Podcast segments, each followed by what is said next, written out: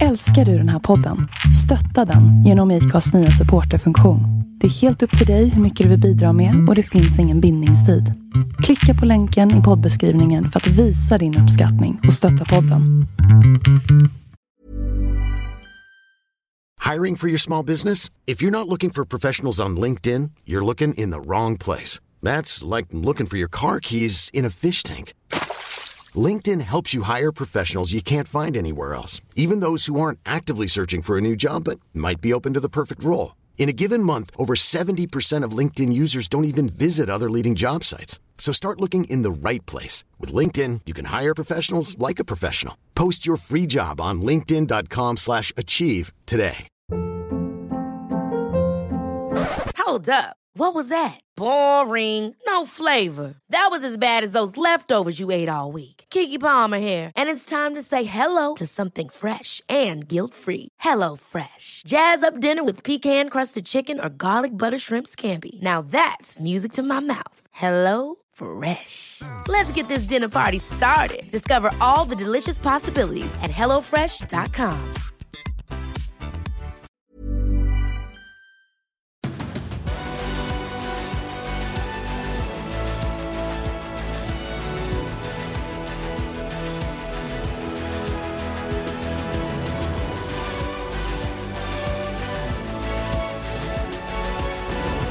Hej och välkommen! Det är dags för en eh, ny MotoGP-podd med mig, Tobias Lajon, och med Andreas Mårtensson. Hej på dig Andreas, hur känns det i ditt garage? Eh, nej men det känns bra tycker jag. Det är racevecka. Eh, det ser jag fram emot. Eh, en ledig helg sådär kan man ju ha emellanåt, men det är kul när det är race också. Mm. Du, vi har blivit lite etablerade i våra respektive garage. Jag sitter ju faktiskt också i garaget här. Kä- Känner du att det blir någon skillnad när vi är på samma ställe mot om vi sitter på varsitt håll och spelar in det här? Oftast lite enklare att podda på, på samma ställe, men det har en förmåga att dra iväg tid då när vi gör det. Ja, jag håller med dig. Jag, ty- jag tycker kanske att det allra enklaste är när vi sitter på eh, i en utav våra studios som vi brukar sitta och snacka under helgerna. Det tycker jag är det allra enklaste. Men, eh, Komma i rätt stämning. Ja, på något vis. Då känns det som att man går in i den här bubblan. Men det, det funkar okej med garage i alla fall. Det känns som att det är någorlunda likt det vi ska snacka om i alla fall. Ja, och vad ska vi snacka om då? Idag så är det eh, 112 avsnittet. Det går ju vansinnigt fort att räkna upp de här avsnitten och då blir det alltså startnummer 12. Och sen är det eh, racevecka, precis som du säger. Le Mans, Frankrike. Det ser jag också fram emot. Jag kan inte säga det nog många gånger.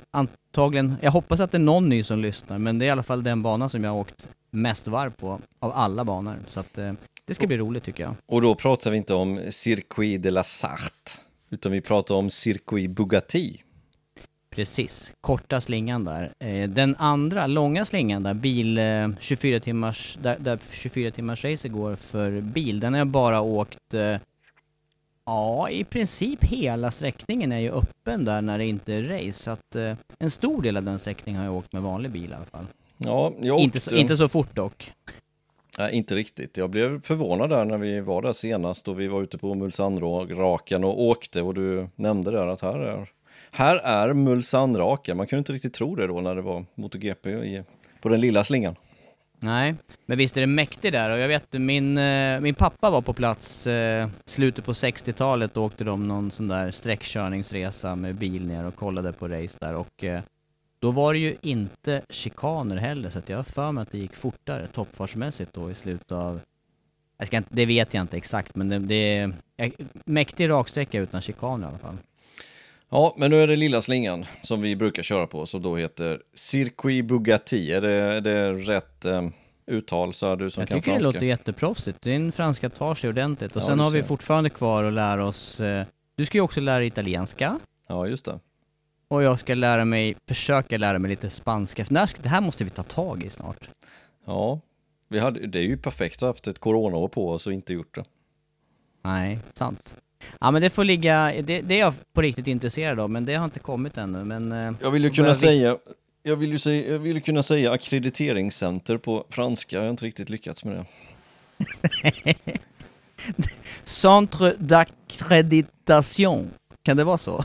Ja, det, det är något sånt. Det är till och med Ja. exakt så, men jag lyckas inte riktigt få med Det är ungefär som att säga ställe. statistik på engelska. Det är också lite tung vrickning på det där. Ja, det är många. Många T. Min son han sa, frågade vad det skulle vara för middag och eh, jag sa lax. Då sa han sex laxar i en laxask sa han, en av de yngre barnen. Han har redan börjat med tungvrickningslekar. Ja, bra. Nu, nu såsar vi iväg på annat. Men det, det, ditt uttal låter bra där och eh, det, blir, det blir spännande. Eh, ska vi dra igång med, eh, med nummer 12? Ja, men jag tycker det. Ska vi, Mm. eh, ska vi ta den som är aktuell och som eh, jag antar att vi båda tänker på? Jag tänker dock inte först på den här personen vi kommer ta nu på nummer 12. Men vi kommer ta den här personen ändå, den här föraren, för jag vet att du också tänker på honom. Ja, för mig är det lätt i det här fallet. Även om det här numret inte har använts så länge av den här föraren så är det Maverick Vinales som studsar upp i huvudet på mig där. Så att eh, för mig blir det mest Vinales idag. Vad har du för annat namn där då? Ja, men det kommer vi till, men nu tycker jag vi tar Vinales först. Försöker locka fram, försöker locka fram lite Ja, grejer. jag är förvånad vi att inte du Vinales redan har först. knäckt den. Vi tar Vinales först. 95 är han född. 1,71 lång. 64 kilo. Lätt eller tung, det får man välja själv beroende på vad man jämför med. Men eh, 64 kilo och eh, 9 MotoGP-segrar så långt och en VM-titel i Moto 3. En eh, förare som har, ja, det börjar bli några år i, i MotoGP nu Andreas. Ja, det började verkligen. Ehm, körde ju som sagt 125 sista året, Moto 3 två säsonger, Moto 2 bara en säsong. Och sen över till MotoGP och började ju karriären i Suzuki. Eh, när de då kom tillbaka till MotoGP och, och körde där alltså 2015, 2016. 16 så tog han ju sin första seger i MotoGP-klassen också på Silverstone. Eh, och jag kommer ihåg det där racet för att det blir rödflaggat. Eh, Det var en startkrasch där i inledningen av varvet. Eh, Jag tror det var Polly Sparger och någon, några andra. Jag undrar om det var Bass Bass som var inblandad. Ja, de flög Bass. ut på banan igen och det, det var en väldigt läskig krasch där till slut. Och han hade Ja. ledningen och man trodde så här, han fick ju en perfekt start där. Men han gjorde om det, gjorde precis likadant i omstarten och gick och vann det där racet helt, eh, ja, jag vill nästan säga överlägset faktiskt. Jag kommer inte ihåg segermarginalen, men det var några sekunder åtminstone. Mm. Och Ja, tog då börjar man Suzukis ju- nya, eller ja, på den nya eran för Suzuki tog första segern och även hans eh, första egna seger. Och blev fyra sen i mästerskapet. Så att en riktigt, riktigt stark säsong där. Ja, och, och där eh, tänkte jag ett tag att nu har Suzuki och, och nu, nu blev en sån här perfekt matchning som man brukar prata om ibland. Eh, jag fick den känslan i alla fall med eh, Vinales där och han eh, körde ju då samtidigt som, eh, får du rätta mig om jag säger fel men Aleix Espargaro var väl den andra föraren där. Ja, men det var det. Eh, och eh, ja, det, då, då, då kändes det som att ja, nu, tar, eh, nu tar Vinales över rodret och, och utvecklingen hos Suzuki, men så blev det ju inte riktigt.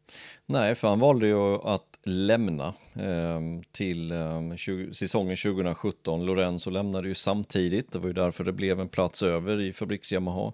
Och eh, dit kom ju då Vinales istället och den öppningen han gjorde där den säsongen var ju helt, ma- helt makalös var den med två raka segrar alltså på sitt nya fabrikat Yamaha. Ehm, och sen ytterligare en seger då i femte racet just på Le Mans. Eh, så han hade alltså tre segrar av fem möjliga. Eh, men sen så hände någonting med däcken som inte han tyckte om. Och det var ju det här framdäcket de ändrade konstruktionen på. Ja. Och eh, det där var ju fram till eh, Mugello och eh, det året, eh, jag har till och med för mig att jag var på plats där på Mugello då. Eh, då, då kraschade ju Vinales där i Arabiata 2, högfartskrasch och eh, den där kraschen, det, alltså för eh, det som hände innan där var ju att Rossi och Vinales som körde i team då, de var ju inte eniga egentligen om vilket däck som var det bästa för för eh, vad heter det? För cykeln eller för körningen där och då, ja, hur som helst, det var ju fortfarande enhetsdäck där men det, det, det däck som valdes där, det blev ju eh, eh, Vinales var inte alls nöjd med det och, och gick omkull. Nej, eh, vi var inte på plats där 2017 för det var mitt första år som kommentator så det vet jag mycket väl att vi inte var. Men, men han blev trots allt tvåa i det racet. Eh, men sen började ju kraftgången efter det. Och eh, precis som du säger, han eh, vill ju behålla det framdäcket som han hade, ja, hade känslan på helt enkelt de föregående racen tillsammans med Lorenzo då på Ducati. Eh, de två ville behålla det, de andra sa att nej men det är helt okej okay att, att släppa det och det var ju den här omröstningen i den här Safety Commission-mötet som brukar hålla till på fredagar som avgjorde frågan och så gick de ifrån det framdäcket och sen kände man knappt igen Vinales, det blev inga segrar mer den säsongen, det blev ett par andra platser. Eh, men, och slutade trea sen i mästerskapet totalt. Men, men det kändes ändå som att ja, han hade bra försprång, för jag kommer ihåg Marcus där. Det var väl det året där där Marquez gjorde bort sig på griden och Miller stod i pool och sådär. Var det inte det racet som, som var i Argentina? Jo, det kan det ha varit samma säsong. Ja, och då var ju Marquez eh. nollade ju den, den racet och, och Vinales stod två raka segrar. Alltså, så att eh, han hade verkligen chansen om man nu får säga så. Ja, ja, jo, det kändes också så. så jag håller med dig där som slagläge och eh, kanske också att karriären hade tagit en annan väg. Och det, jag vet ju att vi snackade om det där med att eh, det, det, var, det kändes lite märkligt att byta konstruktion sådär mitt under säsong. Eh, trots att man då har en omröstning så är det ju ändå en stor förändring och det har vi snackat om även under den här säsongen att däcken är enskilt viktigaste faktorn på hela ekipaget. Så att ja. eh, det, det är ingen liten förändring man gör i det läget. Nej, eh, verkligen inte. Och, och, som sagt, vi känner ju nästan igen det rätt alltså rätt mycket från det som händer just nu med framdäcken just och Michelin igen när de går kommer vi komma till lite senare på den här men, men det här asymmetriska hårda framdäcket som inte verkar fungera för en del märken och de behöver helt enkelt göra om sina cyklar här nu mellan två säsonger och det, och det var nog inte riktigt planen från början och, och sådana här förändringar ska ju inte de ska ju inte komma så här hux flux och definitivt inte mitt i säsongen. Nej. Men det, det, den här tiden vi snackar om nu, det, vi är fortfarande inte framme vid nummer 12 egentligen, utan här är det ju startnummer 25 på Vinales. Ja. Han är ju starkt, starkt förknippad med 25 under den här tiden. Ja, det är han. Eh, men sen bytte han ju då, för tre säsonger sedan är det väl nu, inför säsongen 2019. Eh, så bytte han startnummer alltså till startnummer 12. Eh, och han sa att det hade bringat tur tidigare i karriären. Han kände, kände väl att han inte riktigt hade haft flytet på sitt sida där. Och det har väl fortsatt i samma anda egentligen. Alltså det, han blev som sagt trea med Suzuki. Han blev trea den säsongen 2019. Eller fyra med Suzuki, trea första året där som vi nämnde då 2017 och sen blev han även trea 2019. Ehm, och så ligger han ju trea just nu då i mästerskapet. Mm. Jämn och, och, jämna och höga placeringar i sammandraget där men ska man lyfta någonting kring eh, Vinales så är det också det att han har varit extremt snabb eh, testmässigt under alla år egentligen och han är ofta snabb under kval och tillfällen när han är själv på banan. Men sen är det lite stökigare för honom, i alla fall i MotoGP, när det kommer till det här man mot man fight eller, eh, eller att eh, köra om under race-situationer. Det har han ju varit tvungen att göra ganska mycket med, med Yamahan. Och än mer än mer de senaste två åren. Ja, verkligen. Och, och det stämmer ju inte för honom i starterna. Annars så har han ju verkligen talangen och farten att kunna vara med. Men på något sätt så hittar han vägar att inte kunna utnyttja det. Och, och jag trodde faktiskt att nu, nu blir det andra puckar här när han vann Qatar-racet. Jag kände att det, så som han gjorde det, det var ju faktiskt helt fenomenalt. Det går inte att säga någonting annat. Det var riktigt, riktigt starkt gjort. Och vinna på det sättet som han gjorde. Jag, jag trodde ändå att nu kommer det lossna, men vi har inte sett de tendenserna, utan det har varit nästan gamla Vinales och han ska ju vara glad nu att, att det gick så pass dåligt för Quattararo som det gjorde senast med armpumpen. Annars hade han ju varit långt, långt efter i både mästerskapet och sin teamkamrat. Ehm, så att han har fortfarande chansen, men det måste börja svänga åt hans håll återigen här nu. Men har eh, Yamaha där då, om vi, om vi bara spinner lite på det här med eh, svårigheterna för Vinales. Har Yamaha på något vis eh, agerat kring de här startanordningarna som, som de andra fabrikaten har, där man sänker hela hojen i det här läget? Jag, jag, jag, jag vet inte om det är den springande punkten verkligen, som har med att göra Vinales resultat, för att Quattraro lyckas ju ändå Eh, Morbidelli nu på pallen senast dessutom, så att jag vill inte påst jag vill inte hävda att det är det som är problemet, utan ha, det, är, det är något problem hos Vinales. Han får det inte att stämma helt enkelt i startögonblicket och sen när man väl tänker på det för mycket då kommer det knyta sig och sen ja, så, så försvinner det här goa känslan som man vill ha. Och, och lite så har det ju varit i hans karriär tidigare också. Det, det var ju Alltså det var ju lite rabalder runt honom tidigare i karriären i, eh, om det var 125 eller Moto 3, där jag tänker på det här tillfället i Malaysia när han eh, till och med lämnade eller inte dök upp. Hur var det där egentligen Andreas? Ja men det var ju hans andra säsong i, eh, i GP-sammanhang. Första året så var det 125 och då körde han för övrigt för teamet som, var en eller som hade en sponsor med Paris Hilton den säsongen. Det var ju hans första säsong när han körde där. Eh, sen blev det ju då Moto 3 till 2012 och då körde han ju för, ja, Honda var det ju, det var ju Honda motor men det var en FTR-chassi eh, i Blusens Avintia-team. Och eh, hans manager där, Richard Jove, Jove, ja, jag vet inte hur man uttalar hans namn där, men han Nej, var ju oklar, även, oklar. Han, han, var ju även manager, alltså både för Vinales och för det teamet som han körde för, alltså Blusens Avincia. Ehm, och till säsongen sen 2013 så hade han förlängt sitt kontrakt med Avincia-teamet. Men hans manager hade inte delgett honom att han hade andra alternativ också på griden att välja. För det här teamet han körde för var ju inte det bästa teamet utan det var ett utav de ett mittenteam. Han slutade trea den säsongen i mästerskapet och när han väl fick reda på det här att han hade andra, andra möjligheter att gå till annat team men han ändå fick krita på och då tyckte han att, att, att eh, hans manager helt enkelt eh, hade, ja, hade lurat honom. Så att då, då drog han hem istället och då slogs han ju faktiskt om mästerskapet alltså den säsongen. Eh, nu blev det inget mästerskap för hans del för han struntade i Malaysia som sagt. Men han fick ju pudla rätt hårt från det där och kom ju tillbaka sen, eh, körde han inte sista racet, han kanske till och med hoppade över sista, jag kommer inte ihåg riktigt hur det där var. Jag för mig att han kom tillbaka och körde något race, men jag, jag, har faktiskt inte koll på det. Men just den här, eh, som du säger, att han, att han kände sig vilseledd och hade haft möjligheter, det var ju Honda och, eh, och KTM redan då som, som var på bordet. Ja. Och, eh, Ja, och, ja, han, och han, upplevde, han, körde... han, upplevde, att Hondan inte hängde med i alla fall. Ja, han körde de två sista, det stämmer. Eh, men, men det hela slutade med att han bröt med både managern och han bröt med teamet till slut och sen så blev det ju KTM till säsongen 2013, alltså nästkommande säsong och där vann han ju också titeln, så han backade ju verkligen upp sin kritik där, men, men eh, det där har ju så här i efterhand har det ju kommit fram att han lär ju inte köra en Honda någon gång, utan han Honda har, är ju ja, hyfsat långsinta också. Så att eh, ja, Honda lär det nog inte bli för Vinales i framtiden. Men, men eh, det verkar ju gå bra ändå. Ja.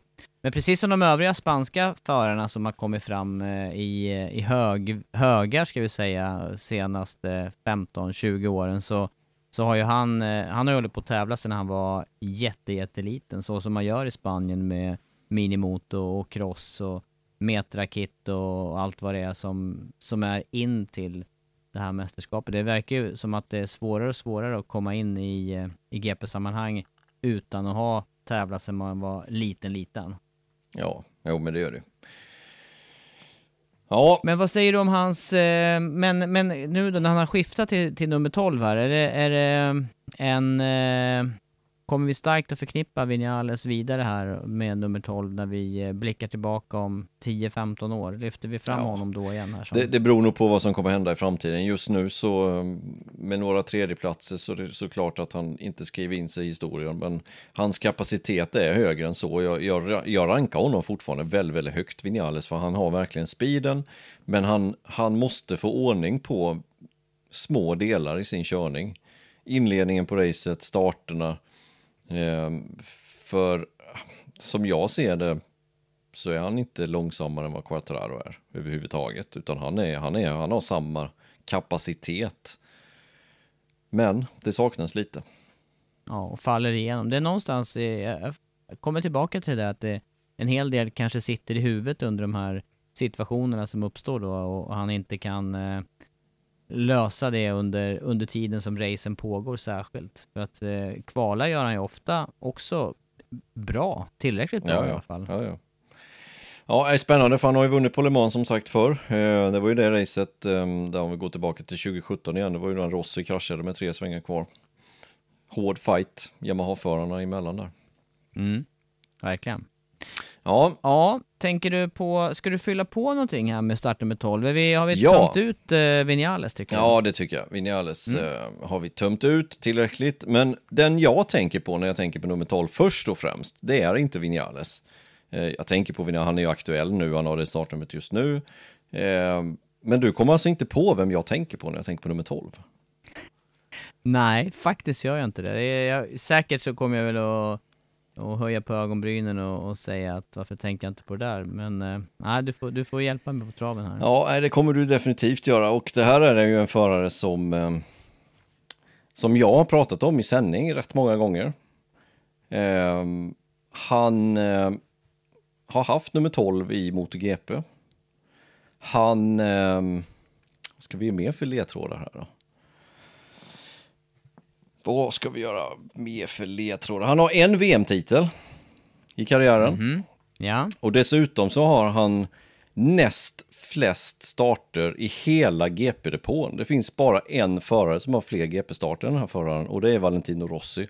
Sen är det den här föraren då på andra plats. Han har 304 GP-starter. Ja. Och nu borde du knäcka det. Om jag säger Nu sista ledtråden för lyssnare här då. Han är från ett land där man inte får köra roadracing.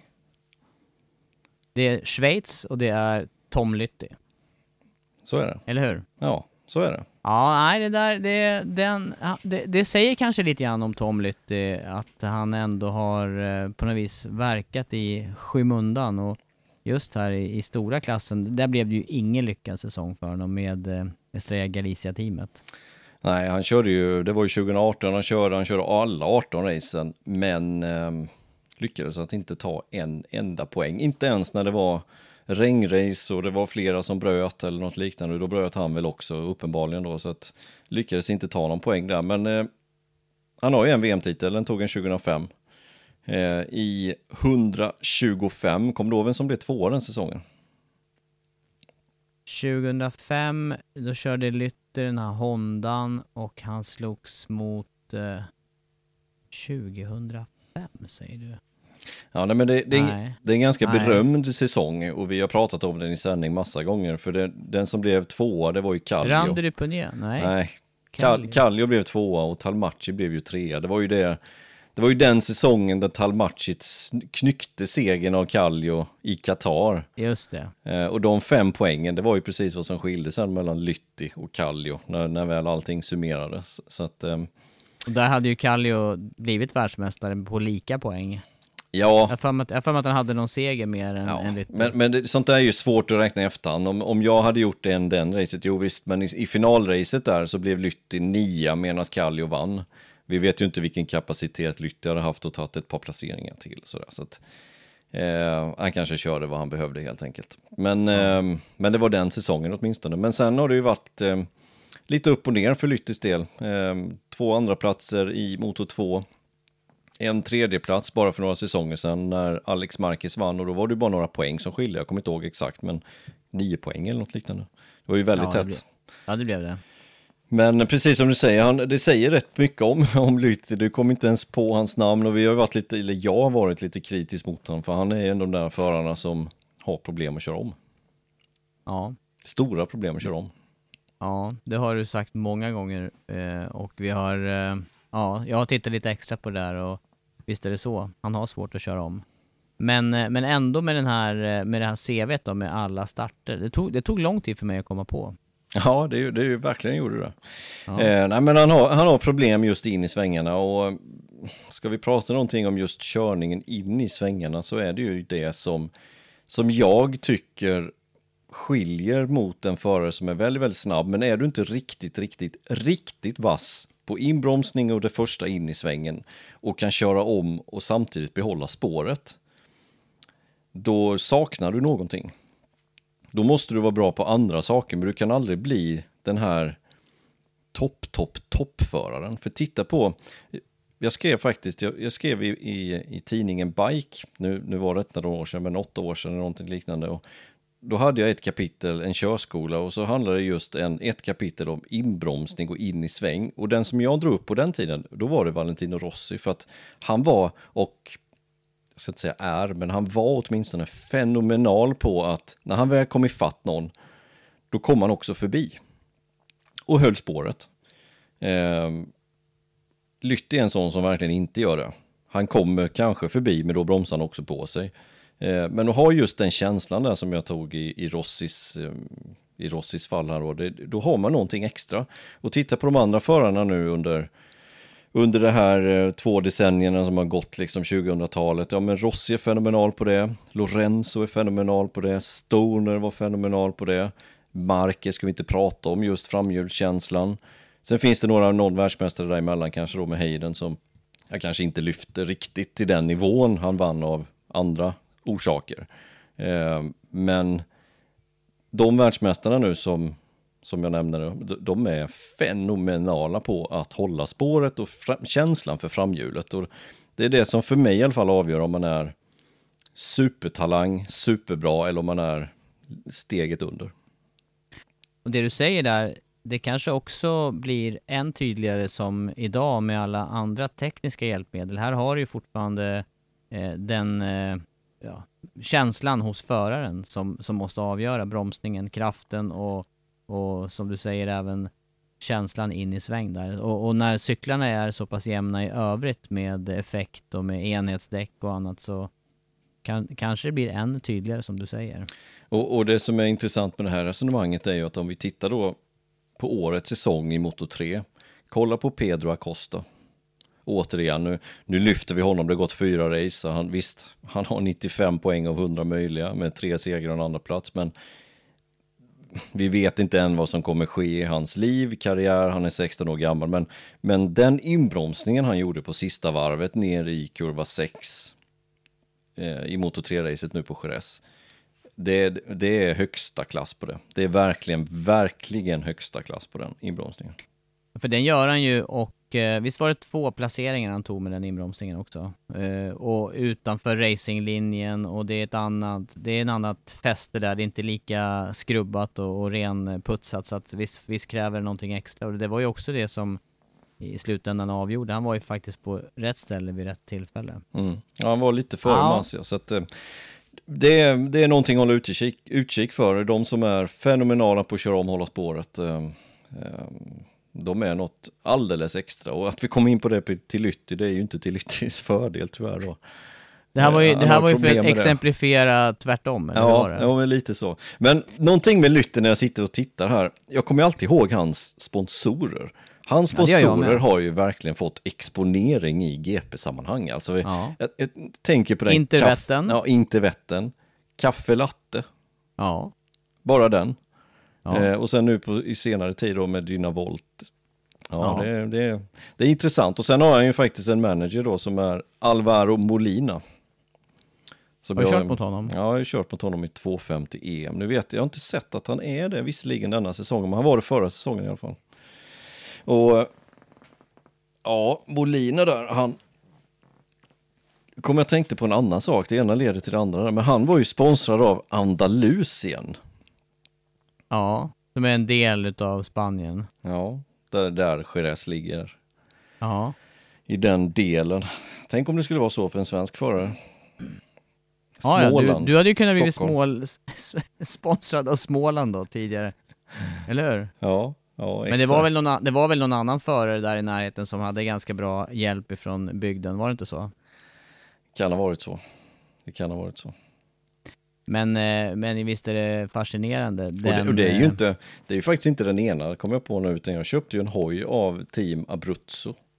Och Abruzzo mm. är också en region i Italien ju. Ja, ja, Tänk men det är ungefär som att man har... Ja, ja, men det är ju lite som... Nej, det, en annan sak som har slagit mig när jag åkte endurance, det var ju det här att man hade...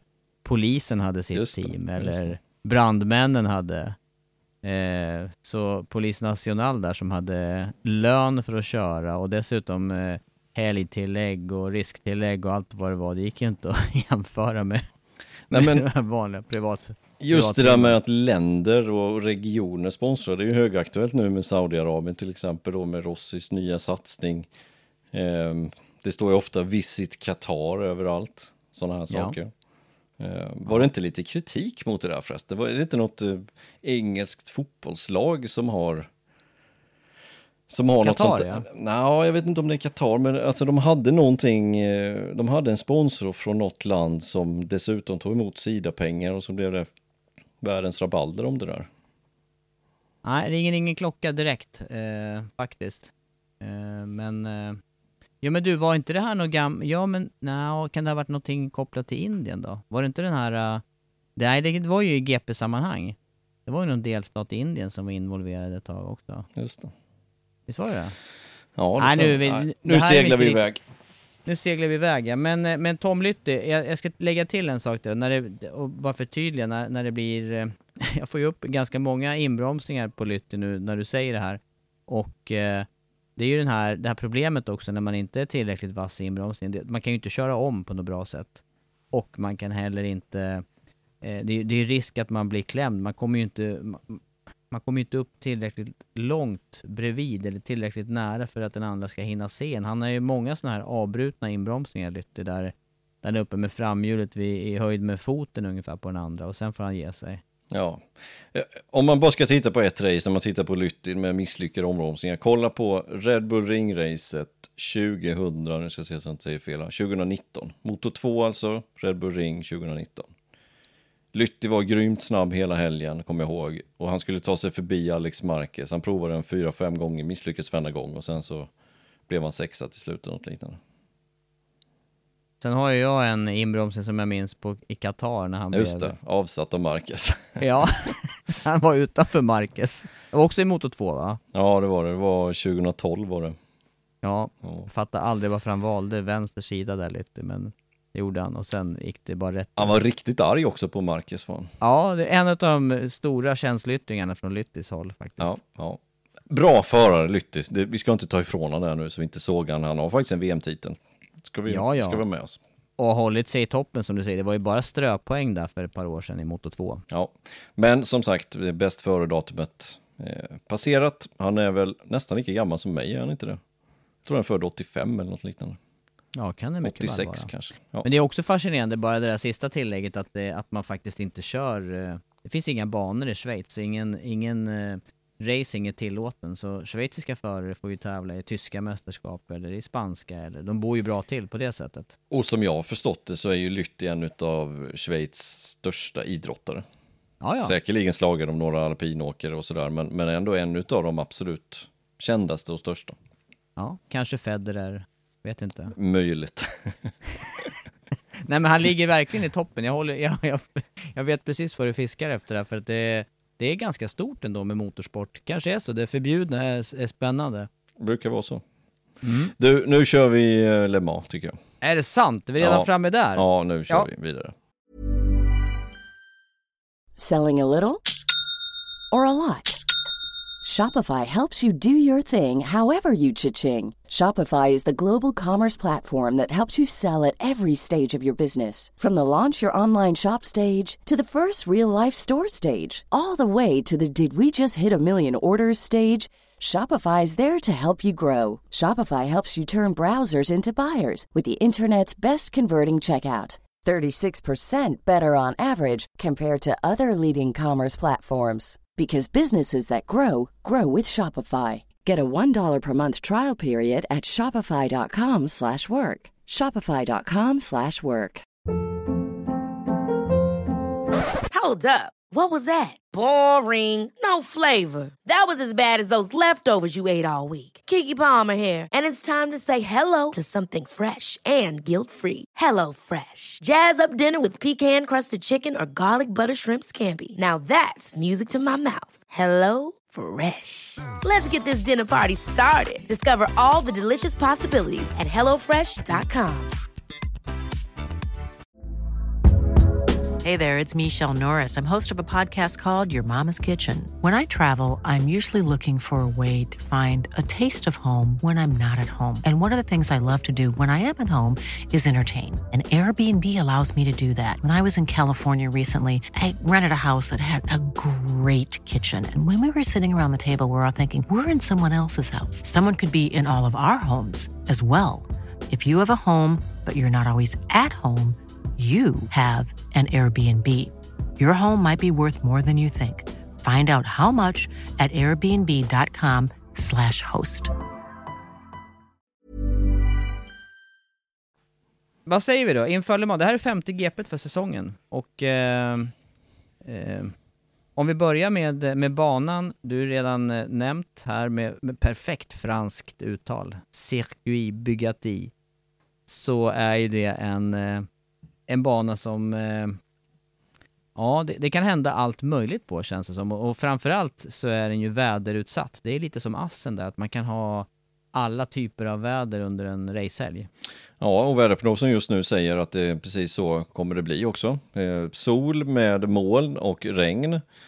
Eh, inte speciellt varmt, under 20 grader ser det ut att vara hela helgen. Så att det kommer bli en kall helg för förarna, teamen i Le Mans. Eh, och det gäller att vara redo för alla väder och eh, alla förutsättningar som kommer att ges. Och där var vi ju kritiskt för ett par år sedan för, eller var det till och med förra året? Ja, det var förra året. Med Quartararo. Ja. När han eh, verkligen stod över pass under träningarna just när det regnade och sen pekade ju allting på seger för hans del, perfekt kval, och så började det regna bara minuter eller, ja om det ens var minuter före racestart. Nej, det var, det var nästan om något av däcksvärmarna faktiskt till, till start. eh, så började det regna och han eh, satsade inte så mycket och, och tränade inte speciellt mycket när det var blöt, blöta förhållanden. Det kommer vi få se annorlunda den här gången, men lite oflyt ändå för Quattararo som är det någon svaghet han har, det finns säkert fler, men en av hans största svagheter, det är just regnkörningen. För han har inte riktigt haft farten i regn. Eh, han har inte haft så jättemånga tillfällen heller att träna på regn. De tre, detta är tredje säsongen nu mot GP, han har inte kört så många regnrace. Eh, han behöver komma in i den körningen och det är illa kvickt. För nu slåss han om mästerskapet, han ligger faktiskt tvåa nu. Med då debaclet som skedde senast, när han bara tog tre poäng till slut. Eh, två i mästerskapet, två poäng bakom Banjaya som leder. Ja, och där tror jag, eh, det blir ju ännu en sån sak som tydliggör hur märkligt det var att han inte använde tillfällena den helgen på Le Mans just. Jag pratade om risker och att, eh, att eh, racen ligger tätt och så vidare, men eh, samtidigt då, om man, om man saknar regnträning och samtidigt hoppar över regnpass, nej, just om man ska ta en VM-titel, jag tror ju på att man ska köra igenom helgerna så mycket som möjligt. Ja, och det på något sätt tycker jag det är som är lite roligt med det här mästerskapet. En säsong när det bara är solsken och bra förutsättningar, det är ingen rolig säsong. Det ska, det ska vara en säsong när det är flag to flag, när det är regnrace, när det är osäkert, ovisst in i det sista. På något sätt är det då som man har en till slut en världsmästare som verkligen är ska inte säga förtjänt av det, men på något sätt ändå liksom att man har gått igenom ganska mycket under säsongen. Ja, men för då kommer ju också saker med eh, strategier och vad man är förberedd på som team och att man är med i det blir, det, blir en, eh, det blir en större helhet i det som du säger när det är många svårigheter under säsongen som man ska lösa och ofta lösa snabbt också. Där har ju, där tycker jag ju att i många fall har ju Mark Marquez och teamet runt honom varit eh, eh oerhört duktiga, samtidigt som de också har haft några sådana här plattfallsgrejer med räkna fel på varv när man ska in och byta däck och sådana här saker. Så att det, är, det är som du säger, det är många saker som, eh, eh, som man går miste om om det bara är solsken och medvind under en hel säsong. Ja, ja men det är det. Men det ser inte ut att bli den här, eh, den här racehelgen utan det kan nog bli lite vad som helst. Men sämst ser det ut just nu då. Nu spelar vi in det här tisdag kväll. Det hinner ju ändras eh, väldigt många gånger till vi kommer fram till helgen, men eh, som det ser ut just nu så är det sämsta dagen är på lördag. Sen så ser det lite bättre ut i söndag, men mycket, risk, mycket stor risk för skurar. Men det vi har sett i alla fall på senare år, det är ju att eh, asfalten i Frankrike, eller här på Le Mans, den har, eh, den har varit bra. Den har gett bra återkoppling till förarna även i blött. Så att det har inte varit så... Det känns inte som att det är så kraschbenäget. eh, I alla fall inte sådana här plötsliga och läskiga krascher. Nej, och den krasch, eller den kurvan där det är, ja vad ska vi säga, mest risk att åka omkull i, det är ju första chikanen. Det blir det, kurva tre blir det egentligen, vänstern. Ja. Och där har vi ju sett i och för sig ett par märkliga krascher med, eh, där, där man då som förare kan gå av till höger eh, och, och närma sig muren i väldig fart. Men, eh, ja, men vi får hoppas att det inte kommer ske eh, den här helgen. Men vi snackade ganska mycket säkerhet där kring, eh, kring Jerez. Vad är din bild av eh, säkerheten runt det här varvet då? Nej, men jag tycker den är rätt god ändå faktiskt, måste jag säga. Eh, jag har inget ställe direkt som jag tycker är jättedåligt. Eh, visst, gör man som Mille gjorde där, då är det inte bra. Då är det långt ifrån bra. Om det var 2017 eller något liknande kanske. Men, men alltså vilken smäll han råkade ut för. Det var helt galet alltså att han gick därifrån och hade flyten på sin sida. Men det är svårt att bygga bort det problemet också. Ja. Nej men jag håller med dig där också. Det finns ganska goda ytor och, och kana omkull på där man ska undvika att gå omkull annars. Det är ju möjligtvis där vi såg, eh, eh, ja vem var det som highsidade ut där nu förra året? Tappar jag kanske bort mig här men, men ut ur eh, eh, ja men efter bakrakan så har vi vänster höger eh, chikanen där och ut ur högen där. Chemin Buff. Chemin Buff, exakt. Där är det, där är det ganska nära ut till, eh, till däcken. Mm. Men det är, väl, det är väl nästan det enda stället jag kan komma på också. Ja, Sen har man ju för sig nära till, eh, till eh, murar och så vidare under raksträckorna, men det är en annan sak. Man har, man har byggt bort en hel del utav svårigheterna, eller, eller de farliga passagerna. ja. Eh, vad säger du om, eh, om eh, vi var ju inne på däck tidigare här då. Eh, det kanske framförallt under torra förhållanden som eh, Michelin-däcken fram då inte riktigt har hållit måtten, åtminstone inte för alla fabrikat och förare. Nej, KTM och Honda framförallt verkar ju ha en ganska stora problem med att komma överens med det här framdäcket. Det hårda framdäcket är det vi pratar om som är alltså jag har symmetriskt, det vill säga inte inte samma gummiblandning över hela slitbanan utan att det skiljer lite. Eh, och det verkar vara att när de inte får det hårda däcket där de vill ha utan de, då tvingas de nästan köra medium eller soft och då fungerar inte cykeln riktigt lika bra helt enkelt. Eh, utan de vill gärna köra en hårdare gummiblandning än en medium, men just nu så är det då det asymmetriska som inte fungerar för dem heller. Så att de, de har ju problem att lösa och de har ju redan fått däcklisten vad de ska använda hela säsongen här. Och, ja, det verkar inte, lösningen verkar inte sitta riktigt där heller, utan de kommer ju behöva anpassa sina cyklar helt enkelt för att få det att bli, för att bli bättre. Men du var inne på det du sa igen här med känslan för framänden då, och det, det, det som händer är ju också att eh, har man inte som förare känsla för framdelen på cykeln, då är det ju stor risk för krascher, för här är det ju det är inte så att man sladdar till fram och räddar en sladd. Det är ju, det är ju Marcus som räddar många sådana sladdar, men övriga förare gör det ju ibland, men ofta är det ju krasch i det läget. Ja, exakt. Eh, man måste ha känsla för framhjulet. Har man inte det så då är man illa ute. Och även fast man eh, har den där fenomenala känslan som Marcus har för framhjulet så, så ska man komma ihåg att om det inte funkar för honom heller, om inte han får den feedbacken att när släpper det, om en, ja men nu är det på gång att släppa och sen så, så ser vi det i rutan att det släpper och sen så räddar han det. Men om inte han får den där tidiga, tidiga, tidiga, tidiga känslan för vad som händer, ja då åker han också omkull. Och det är ett problem med det. Nu, nu ligger han 50 poäng efter i mästerskapet. Han har 16 inkörda poäng nu på två racehelger. Banjaya har 66. Det är alltså, som jag sa, 50 poäng. Det är, stämmer det då inte riktigt med framänden på cykeln, som är hans kanske enskilt starkaste punkt egentligen. Förutom att han är grym i regn och att han är bra på det mesta, så, så tar man en punkt han är fenomenal på, så är det just in i svängarna. Och köra på gränsen av vad, vad, vad cykeln och däcken klarar. Och tappar han det försprånget, ja, då, då är han inte så överlägsen som han var för två år sedan. Nej, och ska man hitta ett exempel på det så var det ju rätt intressant här för ett par säsonger sedan när, när eh, Lorenzo åkte Repsol Honda också, just på den här banan. När de hade en eh, nästan id ett, ett identiskt tillbud i eh, garagevärld, den här dubbelhögen ut på bakrakan. Och det här var ju på eh, träning, på friträning.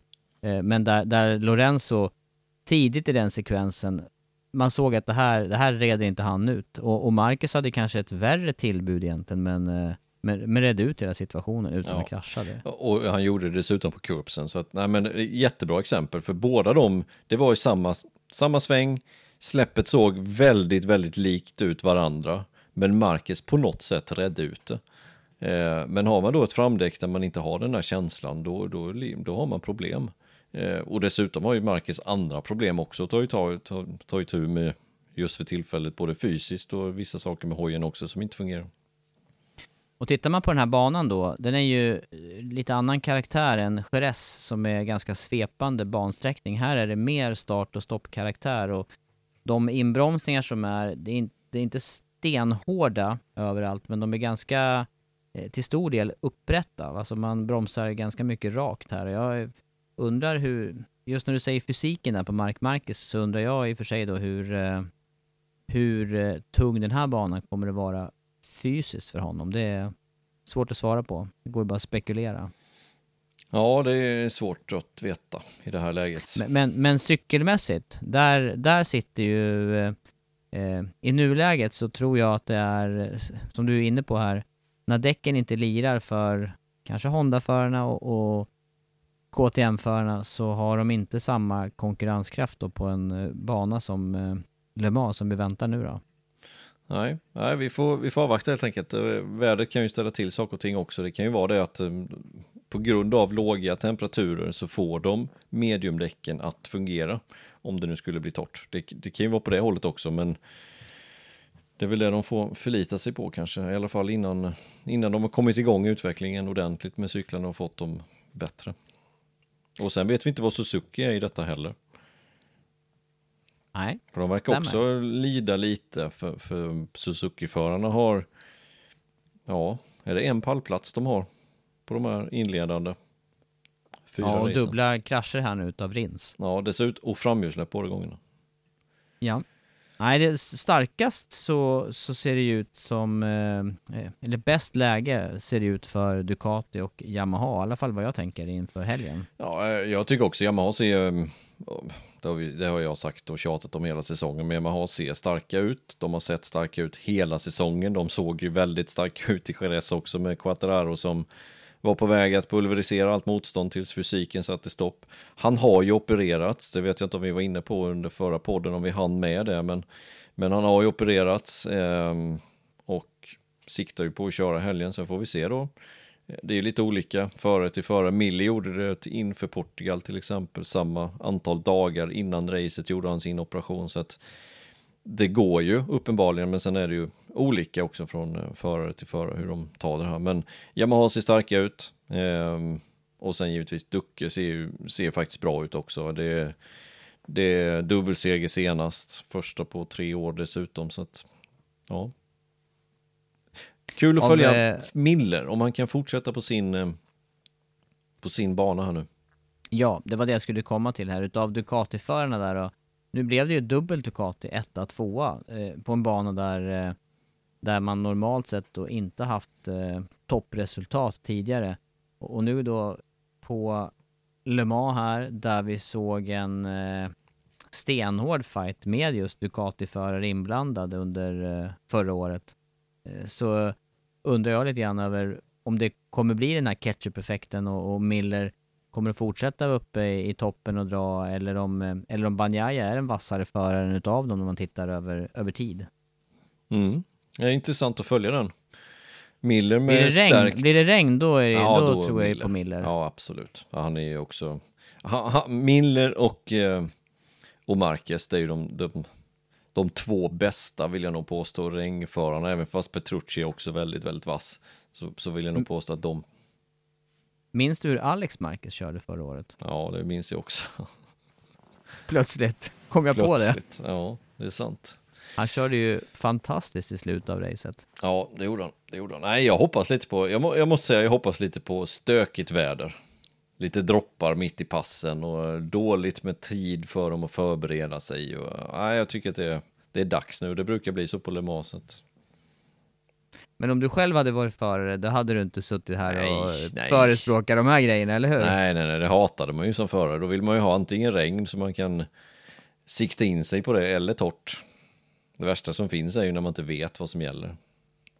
Och det är ju ganska chansartat rent, eller och ganska risk, eh, man, man får ju ta ganska mycket risk också om man ska få utdelning under sådana förhållanden. Och, och det är ju det som också på något sätt kännetecknar både Marquez och Miller och Petrucci, att de är ganska soft med båda. Det spelar inte dem någon roll. De, de, de, man kan inte påverka det, utan man, man bara sätter på de däcken som gäller och som är bäst just i det läget. Och kan man på något sätt acceptera det läget, då tror jag man har ett försprång redan från början. Istället för att man blir, som jag blev då, liksom varför ska det börja regna nu? Varför ska allt elände drabba mig just den här? Exakt, Ja, det var ju bara du där som blev drabbad ja men exakt. Och, och. Ja, det är du och Vinales, ni har ju ungefär ja, samma men, ja exakt. Och, och då blir man ju, då blir man ju, då är man ju slagen redan på förhand om man, om man jämför med sådana förare som, ja, skiter i vilket. Ja, faktiskt. Ja, men eh, det här att, eh, att det fortsätter att vara så jämnt som det är, det finns det någonting som talar för att, eh, att det inte skulle bli ett jämnt race i helgen här?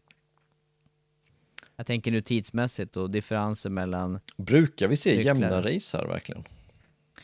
Nej, inte så på, inte, inte om man tittar på hela fältet, nej. Nej. Men, eh, men jag, tyck, jag fick ju känslan av att det inte var så jämnt race senast där på Jerez, men det var inte många sekunder ändå som skilde topp 15 i, slut, i slutet. Nej, nej, det har ju en förmåga att vara tätt hela tiden här. Nej, det är ju, det är svårt att veta helt enkelt. Men, men jag är nyfiken på Miller om man kan bygga vidare. Banjaya, han har alltså två raka andra platser och en tredje plats från Qatar. Kan han bygga vidare på det? Hur är det med Quattraros arm? Hemmaplan? Sarko lär ju vara lite um, revanschsugen. Ledde ju faktiskt mästerskapet efter Qatar men har kraschat efter det och sen ett litet mm, sämre race senast och sen så även Mark Marquez då var hur är statusen nu? Nu är det, då, nu, nu är det faktiskt nästan en månad sedan som man kom tillbaka. Ja. Och sen kan man ju även lyfta Nakagami som knackar på dörren för pallplats där om man ska lyfta upp någon ytterligare Honda-förare i sammanhanget.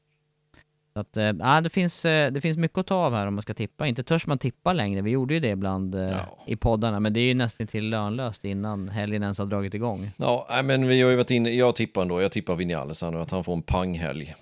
Jag tippar honom. Ja. Och du säger regn där, då är jag inne på... Då är jag inne på... Ja, då, då tror jag att Miller kan eh, bygga vidare på sin eh, seger här på Jerez och vara segerkandidat igen. Mm. Vi nöjer oss med det va? Ja, jag tror vi nöjer oss med det. Ja, ja.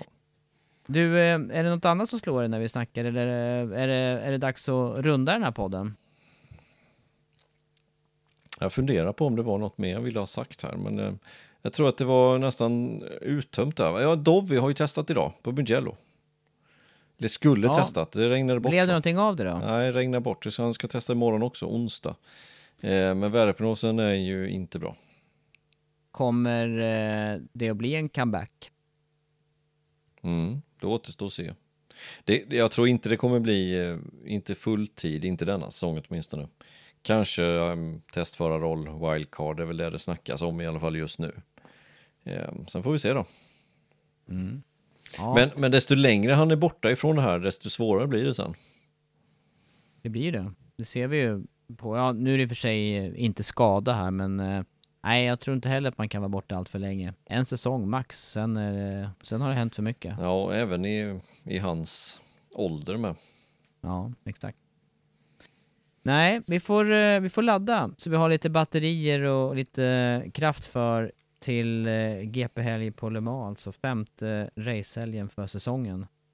Du brukar ju vara duktig på att lyfta lyssnare som stöttar podden också, Andreas. Ja, stort tack för allt stöd vi får. Det får vi via patreon.com snedstreck motorgp-podden eller via Acast supporterfunktion. Stort tack, det gör att vi kan hålla igång. Det blev en podd denna veckan också.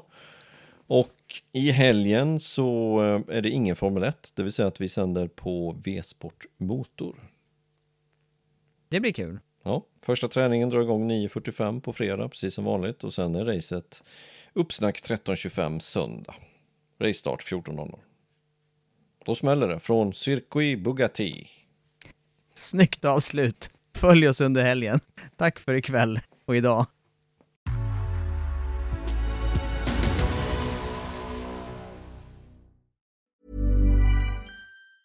Hey, it's Danny Pellegrino from Everything Iconic. Ready to upgrade your style game without blowing your budget?